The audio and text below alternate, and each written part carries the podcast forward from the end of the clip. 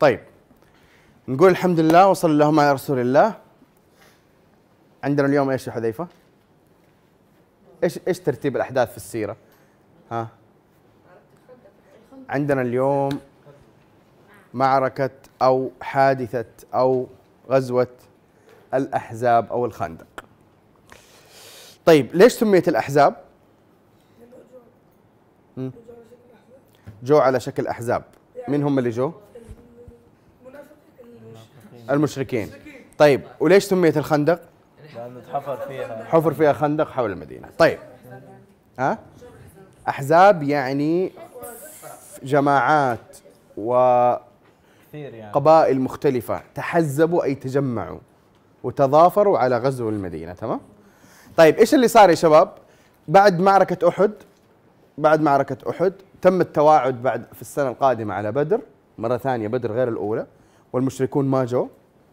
بعدين اليهود في المدينة اليهود طبعا اليهود دائما دائما اليهود شغلهم إفساد في الأرض.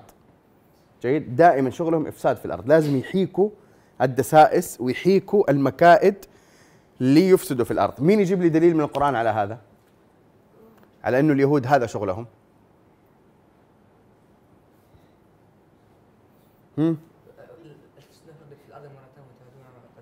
لتفسدن في الأرض مرتين. لا في آية آية أخرى أوضح دلالة. كلما أوقدوا نارا للحرب أطفأها الله و ويسعون في الأرض فسادا. يسعون فعل ولا اسم؟ فعل. إيش الفائدة إني أسألكم فعل ولا اسم؟ يا سلام عليك يا شيخ سلام عليك يا شيخ لله يدرك بس يسعون الفعل المضارع يدل على التجدد. فعل هذا فعل مضارع يدل في اللغة يدل على التجدد. إنهم يسعون يعني هم دائما يسعون يتجدد منهم السعي فسادا في الأرض أو في الأرض فسادا. طيب هذول اليهود اللي كانوا في المدينة ركبوا قوافلهم وإبلهم وراحوا على مكة.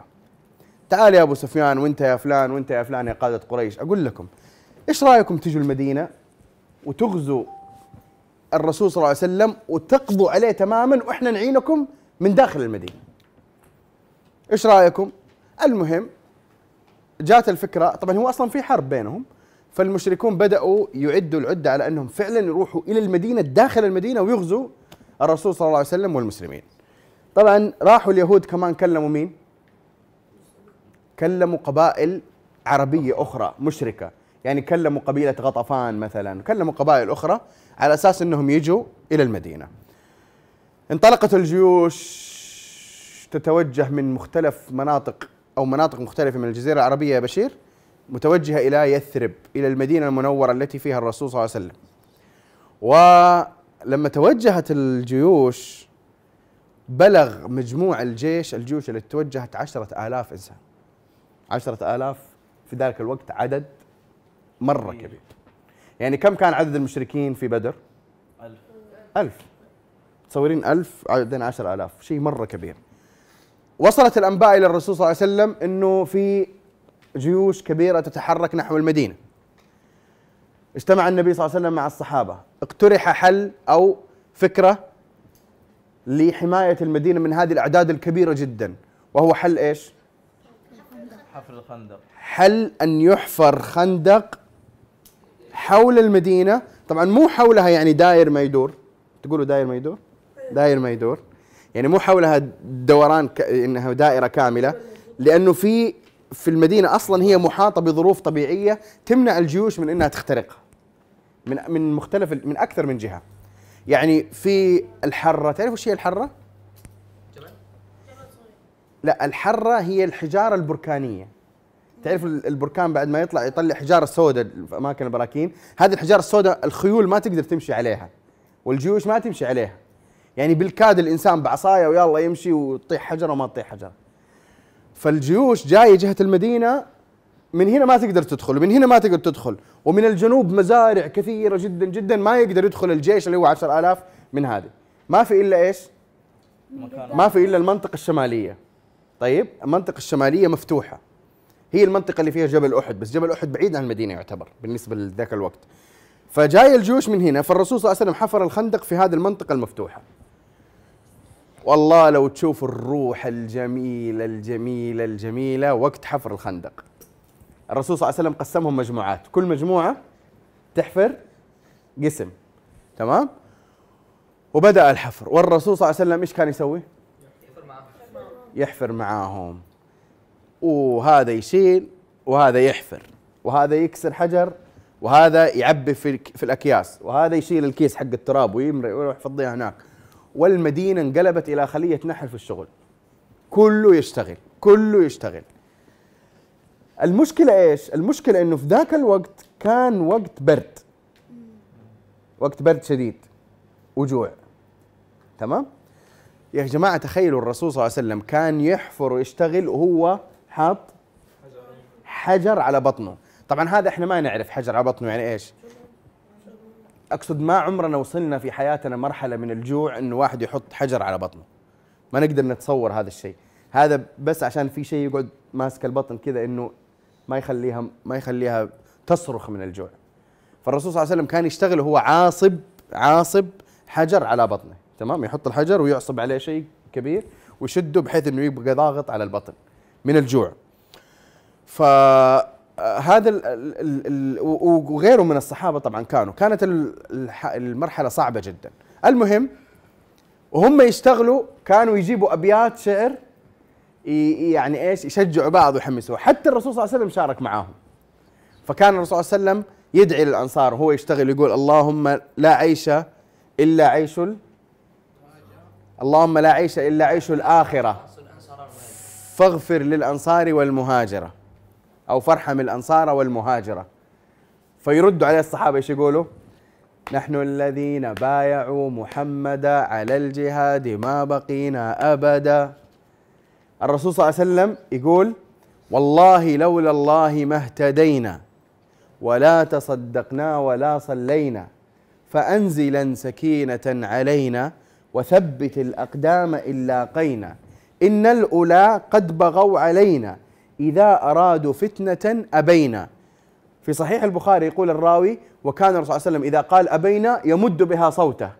كأنه يقول أبينا أبينا. الرسول صلى الله عليه وسلم. وهذا الجو الحماسي والله لولا الله ما اهتدينا. وهذا يحفر وهذا يشيل وهذا يحط حجر. كان روح عالية جدا جدا برغم المشقة والصعاب. المهم في وقت وجيز جدا انتهى حفر الخندق. جو المشركين وصلوا إلى المدينة لما وصلوا إلى المدينة اكتشفوا الخندق وتغيرت كل الترتيبات اللي كانت في بالهم. طبعا مو معناه إنه الخندق موجود إنه خلاص المدينة محمية لا. بس هي الفكرة في الخندق إيش يا بشر؟ فكرة في الخندق هي تصعيب أو تعسير مرور المشركين. بس ترى ممكن يمروا. يعني لو في ناس منهم خياله مرة ممتازين ممكن يقفزوا من أماكن الضيقة أو شيء ويقدروا يعبروا بس هو الفكرة إنه الجيش ما يقدر يمشي بأريحية وخلاص ويمشي على الخندق لا راح يعطلهم ف- فهذا كان يستدعي إيش؟ كان يستدعي وجود حراسة، حراسة مستمرة يعني جيش المسلمين كله مرابط مرابطة على فين؟ على الخندق من الجهة اللي في المدينة، تمام؟ وجيش المشركين صار من ذيك الجهة، جيش المشركين حطوا معسكرهم، معسكرهم اللي هو الخيام ومدري إيش وأكلهم جلسوا. وحاصروا المدينة. الآن المدينة محاصرة من كل الاتجاهات، ما تقدر أنت تخرج من المدينة. المهم في واحد من المشركين من أبطال العرب كلهم فارس قوي اسمه عمرو بن عبد ود. إيش هو ود؟ إيش هو ود؟ ود تعرف إيش هو ود؟ وقالوا لا تذرن آلهتكم ولا تذرن اسم صنم. طيب هو عمرو ابن عبد ود تمام؟ فهذا عمرو بن عبد ود أخذ معاه مجموعة من الفرسان منهم عكرمه بن أبي جهل. عكرمة هذا من الأبطال الكبار كان مرة من أبطال المشركين. طبعا بعدين أسلم وصار من أبطال المسلمين. راحوا شافوا مكان أضيق أضيق مكان ورجعوا بالخيل. طق طق طق طق طق طق طق طق لين ما استطاعوا إنهم يعبروا الخندق. صاروا الآن كومة فرسان كذا مع بعض. ونزل عمرو بن عبدود وإيش سوى؟ ها؟ قبل ما يطلعوا يبارزوا ضرب فرسه ضرب فرسه أظنه كسر رجله أو ما أدري إيش سوى فيه المهم إنه خلاه أرجع. يعني أنا جاي هنا أقاتلكم وأوريكم شغلكم بطل طبعا هو بطل يقصد من ناحية الشجاعة مرة فطلع له مين؟ علي بن أبي طالب قال له أنت مين يا عمرو بن عبد طبعا علي لابس ال... قال له أنت مين؟ قال له علي بن أبي طالب قال له يا ابن أخي لا حاجة لي في قتلك. قال له لكن أنا لي حاجة في قتلك. طيب فهو فهو يعني عصب يعني عصب إنه هذا يعني مين علي بن طالب؟ لا أنت من جد يلا يلا انزل أوريك شغلك دحين. المهم تي تي تي وداله علي بن أبي طالب ضربة خلاه يعرف إنه الله حق بعد ما مات طبعا. فكان هذا من المواقف ال- القوية جدا. طبعا البقية إيش سووا؟ شردوا. بعد ما قتل عمرو بن عبد ود أثناء هذا الحصار صار في رمي بالأسهم يعني المشركين يرموا بالسهم على المسلمين والمسلمين يتقوا بالدروع وبعدين يرموا يرموا يعني وضع صعب. ودائما معروف إنه لحظات الحصار أصعب وأشد ألف مرة من لحظات إيش؟ من لحظات الحرب. خلاص الحرب طاخ طيخ ما في قاتل ومقتول امشي. الحصار لحظات رعب لحظات خوف. لحظات إيش ممكن يصير؟ لحظات هذه لحظات الحصار مرة مخيفة مرة مرة مرة مخيفة. طيب صارت هذه صارت هذا ال- ال- الحصار واشتد ويوم ورا يوم ويوم ورا يوم إلين ما صار الحدث الأصعب في كل أحداث الخندق إيش تتوقعوا؟ خيانة ال امم خيا مو خيانة بني قريظة. طيب ممكن نرسم هنا؟ طبعا نفس الرسمة حقته من جنبها بس إنه يعني يعني شيء تقريبي كذا خطوط. القلم ما يكتب يعني ماخذ شكل بس كذا لا يكتب. طيب.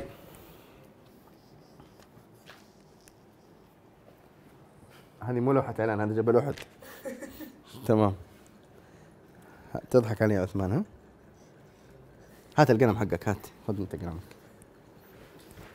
طيب. هذا الخندق. هذه المدينة.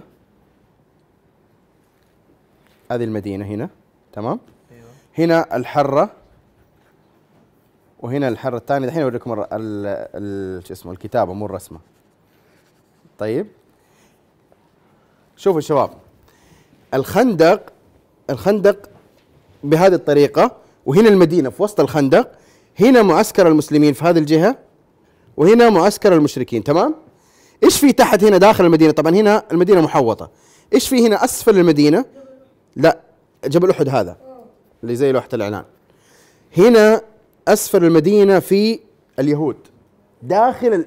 يعني هم كأنهم مشمولين بالحصار. هم داخل داخل الدنيا هنا. ليش؟ ليش الرسول صلى الله عليه وسلم مستأمنهم؟ لأنه في عهد عهد. في عهد إنه إيه؟ أنتم أنتم بيننا وبينكم عهد. أنتم تعيشوا في المدينة وإحنا نعيش في المدينة. لا أنتم تؤذونا ولا إحنا نؤذيكم. بل إنه في شروط أو في بنود من العهد إنه إحنا ممكن نتعاون على بعض الأشياء. جيد؟ طيب. أثناء قلنا فين جيش المسلمين؟ جيش المسلمين هنا تمام؟ والخندق وهنا جيش المشركين الكبير وهنا كمان في جيش المشركين. هم أصناف كانوا. المهم أثناء هذه الفترة اللي فيها جيش المسلمين هنا مين في في النص؟ مين في؟ مين في؟ مين في مسلم؟ النساء والأطفال. الرجال كلهم هنا مع النبي صلى الله عليه وسلم. هنا النساء والأطفال. شوية جات الأنباء للنبي صلى الله عليه وسلم إنه هؤلاء اليهود غدروا ونقضوا العهد واتفقوا مع المشركين وتعاونوا معاهم وراح يدخلوا على المدينة. على النساء والأطفال. ها. القبائل اليهود؟ اي يهود كانوا كثير. هنا هنا صارت الأزمة لا تصدق. الأزمة مخيفة جدا جدا جدا. ليش؟ لأنه الجيش الموجود هنا من الرجال ما يقدر ينسحب يحمي النساء والأطفال. لو انسحب وحمي النساء والأطفال راح يدخلوا المشركين. تمام؟ وفي نفس الوقت العدد ال- النساء والأطفال كيف يحاموا عن المدينة؟ فهنا الله سبحانه ما أقدر أعبر أنا. الله سبحانه وتعالى هو اللي ذكر هذه الحالة. في سورة إيش؟ الأحزاب سورة باسم المعركة. يا أيها الذين آمنوا اذكروا نعمة الله عليكم. إذ جاءتكم جنود فأرسلنا عليهم ريحا وجنودا لم تروها وكان الله على كل شيء وكان الله ما تعملون بصيرة وكان الله بما تعملون بصيرا. إيه، أنا اتذكر شيء قدير الله عنه طيب إذ جاءوكم شوفوا هنا هنا الوصف شباب. إذ جاءوكم من فوقكم. من هم اللي من فوقكم؟ من فوقكم. إذ جاءوكم من فوقكم. ومن أسفل منكم؟ وإذ وإذ زاغت الأبصار وبلغت القلوب الحناجر. من الرعب والشدة والبأس والخوف وال- والهم الشديد. كأنه القلب بدل ما هو هنا في الصدر كأنه هنا صار الحنجرة. وبلغت القلوب الحناجر وتظنون بالله الظنون هنالك ابتلي المؤمنون وزلزلوا زلزالا شديدا. وإذ يقول المنافقون اللي كانوا موجودين هنا هنا وراء الخندق مع النبي صلى الله عليه وسلم وإذ يقول المنافقون والذين في قلوبهم مرض ما وعدنا الله ورسوله إلا غرورا. وإذ قالت طائفة منهم يا أهل يثرب تخيلوا ينادوا في الجيش لا مقام لكم فارجعوا. ارجعوا إلى وين؟ إلى هنا. ويستأذن فريق منهم النبي. يقولون إن بيوتنا عورة. إيش معنى عورة؟ إن بيوتنا عورة. ومكشوفة لل... للأعداء. إن بيوتنا عورة. وما هي بعورة؟ إن يريدون إلا فرارا. ولو دخلت عليهم من أقطارها ثم سوء الفتنة لآتوها وما تلبثوا بها إلا يسيرا. ولقد كانوا عاهدوا الله من قبل لا يولون الأدبار وكان عهد الله مسؤولا. قل لن ينفعكم الفرار إن فررتم من الموت أو القتل وإذا لا تمتعون إلا قليلا. إلى آخر الآيات. إلى آخر الآيات اللي فيها إيش؟ لقد كان لكم في رسول الله أسوة حسنة لمن كان يرجو الله واليوم الآخر وذكر الله كثيرا. ولما رأى المؤمنون الأحزاب إيش قالوا؟ إيش قالوا يا حذيفة؟ ولما رأى المؤمنون الأحزاب قالوا هذا ما وعدنا الله ورسوله وصدق الله ورسوله وما زادهم إلا إيمانا وتسليما من المؤمنين رجال صدقوا ما عاهدوا الله عليه فمنهم من قضى نحبه ومنهم من ينتظر وما بدلوا تبديلا وما بدلوا تبديلا. هذه هذه الحالة اللي وصفها الله في القرآن حالة عظيمة حالة شديدة حالة قوية حالة مخيفة جدا جدا. المهم استمرت الأيام استمر الحصار يمكن خمسة أكثر من عشرين يوم بين العشرين يوم والشهر. حصار شديد شديد شديد جدا. ومع الغدر مع الغدر هذا يعني سووا مشكلة كبيرة للمسلمين. وفعلا دخلوا جهة النساء والصبيان. دخلوا. وجاء يهودي يطوف على واحدة من الحصون الصغيرة اللي داخل المدينة لأنه الرسول صلى الله عليه وسلم أدخل النساء والصبيان في حصون صغيرة اللي هي تسمى الآطام داخل المدينة تمام؟ فدخل دخل النساء والصبيان فجاء واحد من اليهود يمر ومعاه سيف. يمر يبغى يقتل أحد يبغى يغدر بأحد تمام؟ نزلت له مين؟ صفية رضي الله تعالى عنها. نزلت له صفية معاها عمود كبير. وتربصت فيه لين ما مر. والدبيج على راسه. ولا هو طايح. مات طبعا. آه واستحت تاخذ منه السيف لأنه رجل. لأنه طايح وممكن يكون متكشف ولا شيء. فهو معاه سيف وما أخذت منه السيف تركته ورجعت للحصن. المهم الله سبحانه وتعالى بعد هذا الابتلاء والله سبحانه وتعالى من سنته ومن حكمته دائما يبتلي المؤمن. يبتلي المؤمن. الجنة مو بلاش. الجنة مو بلاش. يعني أنا والله أنا الحمد لله مسلم وأنا بدخل الجنة. مو كلام ما في ما في الكلام ما يدخل الجنة كذا بس إنه أنا بدخل الجنة. لأنه ال- الرسول صلى الله عليه وسلم قال حفت الجنة بإيش؟ بالمكاره. ترى طريق الجنة في أشياء تكرهها. في أشياء تكرهها لازم في أشياء تكرهها. في أشياء صعبة في ابتلاءات في فتن في في في صبر. فهذا الابتلاء الله سبحانه وتعالى بعد ما اشتد الابتلاء واكتشف أو اكتشف وظهر للمؤمنين مين الصادق ومين الكاذب مين المنافق ومين المؤمن؟ في ذاك الوقت جاء نصر الله يا حذيفة بإيش؟ إيش جاء النصر؟ بالريح وال بالريح هو أصلا كان وقت برد شديد جدا جاءت ريح هبه ريح شديدة شديدة جدا جدا. هذه الريح قلعت الخيام أطفأت النيران حقت القدور ما هم صار قادرين يطبخوا. واصلا كان برد شديد والبرد لما يجي معاه هواء وريح شديدة آه تصير تصير شديدة جدا. المهم صار موقف صار موقف في تلك اللحظات أو قبيلها بشوية. آه وهو موقف طريف. في حذيفة رضي الله تعالى عنه حذيفة بن اليمان تعرفونه؟ صحابي المعروف.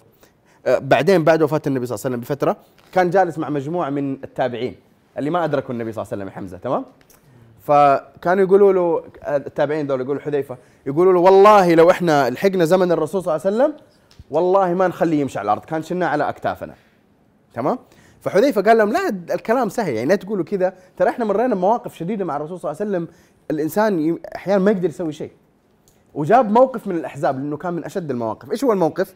الرسول صلى الله عليه وسلم في واحدة من الليالي قال: من يأتيني بخبر القوم؟ يعني من يروح يتجاوز الخندق ويدخل معسكر المشركين ويتسمع يشوف هم إيش جالسين يقولوا؟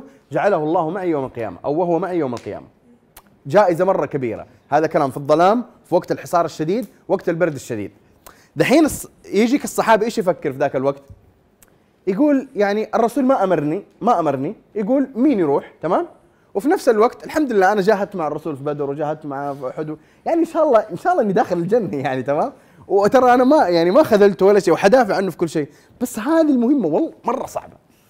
تمام؟ مرة صعبة يعني. كذا كذا ممكن الانسان يفكر يعني.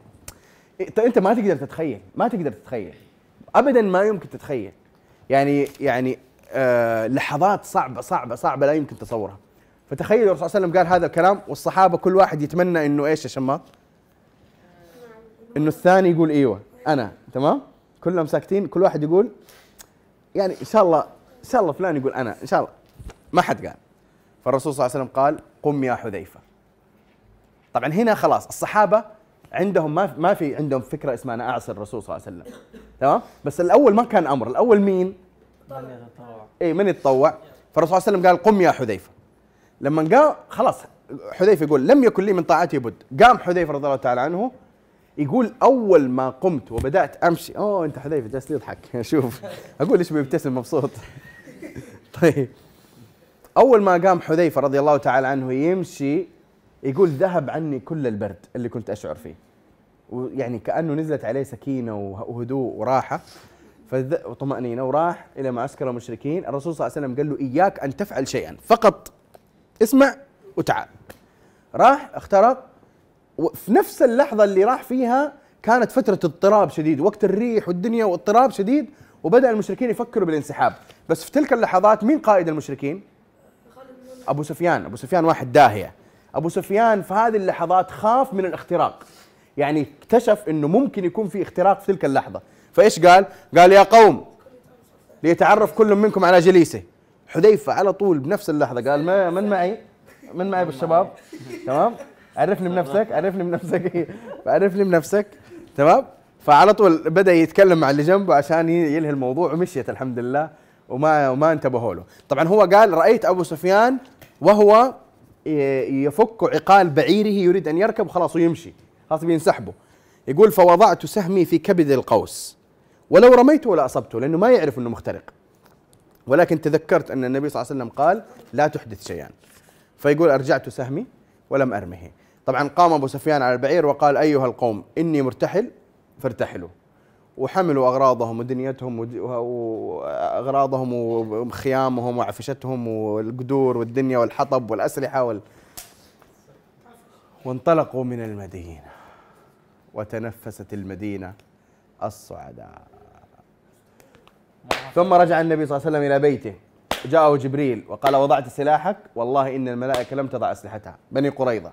قال الرسول صلى الله عليه وسلم لا يصلين أحد منكم العصر إلا إلا في بني قريظة. من هم بني قريظة يا حذيفة؟ اليهود اللي غدروا.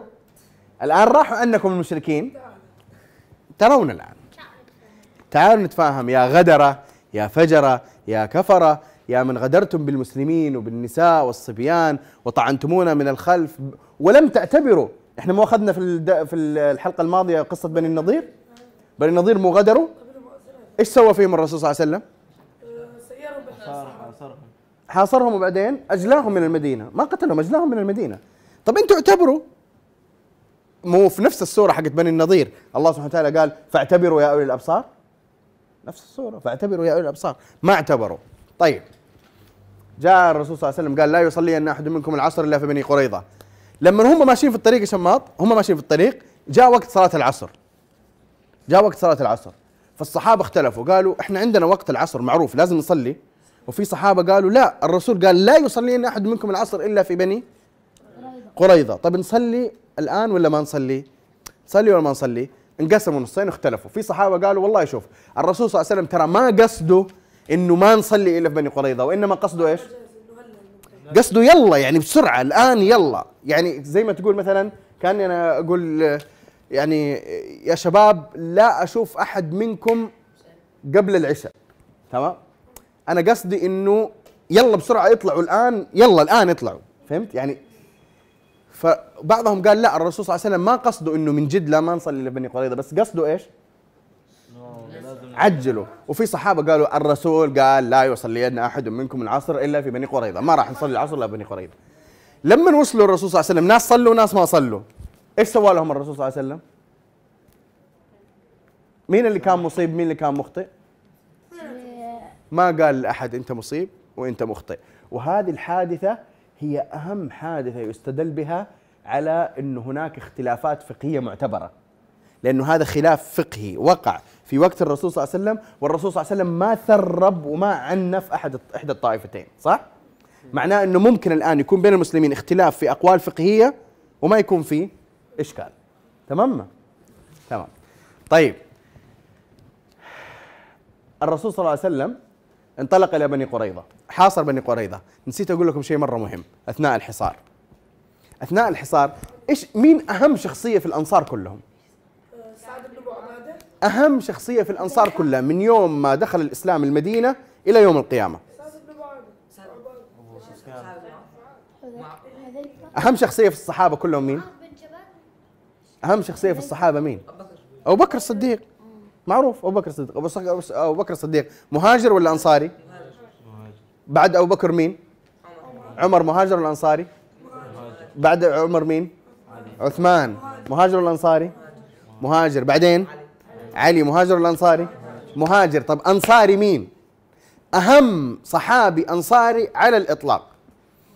سعد بن معاذ. سعد بن معاذ. سمعتكم؟ سمعتكم. بس أنا أبغى أسمع. أشوف البقيه سعد بن معاذ. تمام؟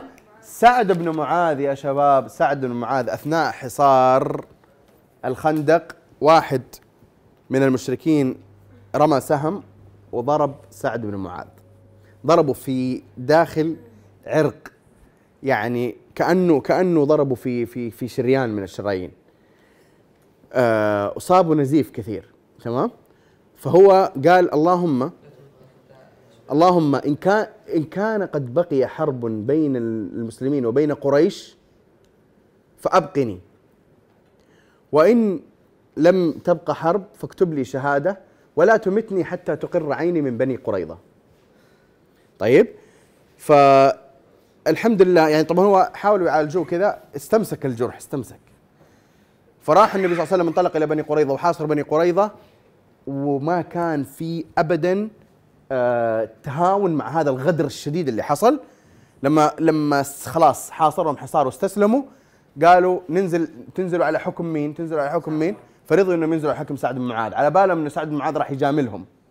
على بالهم إنه بن معاذ راح يجاملهم لأنه هو كان بينه وبينهم صحبة في الزمان، تمام؟ فقال ابدا ما راح أجاملهم ولا راح أتهاون معهم على هذا الغدر. واصلا ما بيني وبين اللقاء الله إلا يعني شيء يسير. فحكم إنهم يقتلوا. كل هؤلاء اللي شاركوا في الغدر ورضيوا بالغدر كلهم يقتلوا. لأنهم طعنوا النبي صلى الله عليه وسلم والمدينة طعنة غادرة تماما كانت ممكن تقضي على الإسلام كله. كانت ممكن تقضي على الاسلام كله. أنتم عارفين لو الغدر هذا نجح إيش يصير؟ لو الغدر من هنا والأحزاب من هنا إيش يصير؟ ما عاد في شيء. النبي صلى الله عليه وسلم ولا صحابة ولا شيء. كله يموت. فكانت كارثة ممكن كبيره فالرسول صلى الله عليه وسلم ما تهاون معهم ابدا وأراهم عاقبة الغدر حقتهم. وسعد بن معاذ هو اللي حكم. وبعد ما انتهى الحكم كان كان محطوط في خيمة داخل المسجد. سعد بن معاذ يعالج فيها تمام؟ فهو محطوط في الخيمة. قال الراوي قال ما راعهم إلا الدم يسيل منها. انف- انفجر وانفتح الجرح حق سعد بن معاذ. وفاضت روحه الطاهرة رضي الله تعالى عنه واستشهد في تلك الحادثة. سعد بن معاذ الرسول صلى الله عليه وسلم قال اهتز عرش الرحمن لموت سعد بن معاذ. اهتز عرش الرحمن لموت سعد بن معاذ. شيء يعني سعد له مكانة عظيمة عند الله سبحانه وتعالى. الرسول صلى الله عليه وسلم كان يتذكره بعدين وهذه أحاديث صحيحة. مرة جاب الرسول جاء للرسول صلى الله عليه وسلم آه، يعني ألبسة حرير تمام؟ مسها النبي صلى الله عليه وسلم الله يا هي قديش طيبة ولينة. فالرسول صلى الله عليه وسلم قال لمناديل سعد بن معاذ في الجنة ألين منها. لم- لمناديل سعد بن معاذ في الجنة ألين منها. طيب المهم. انتهت معركة بني قريظة. انتهت معركة بني قريظة. اللي هي تابعة لمعركة إيش؟ الخندق. وكلما انتهت معركة من المعارك السابقة من المعارك هذه يزداد المسلمون قوة. انتهت هذه المعركة قال الرسول صلى الله عليه وسلم بعدها الآن نغزوهم ولا يغزوننا ولا يغزوننا نحن نغير عليهم. اللي هو بالنسبة لقريش. وفعلا بعد هذه المعركة ما حصلت أي غزوة من المشركين على النبي صلى الله عليه وسلم. حناخذ بعد كذا بإذن الله إيش اللي صار؟ حناخذ صلح الحديبية وخيبر ومؤتة وفتح مكة وحنين وتبوك وحجة الوداع وبعدين وفاة النبي صلى الله عليه وسلم وبعدين نكمل إن شاء الله التاريخ. والحمد لله رب العالمين وصل اللهم على نبينا محمد وعلى آله وصحبه أجمعين.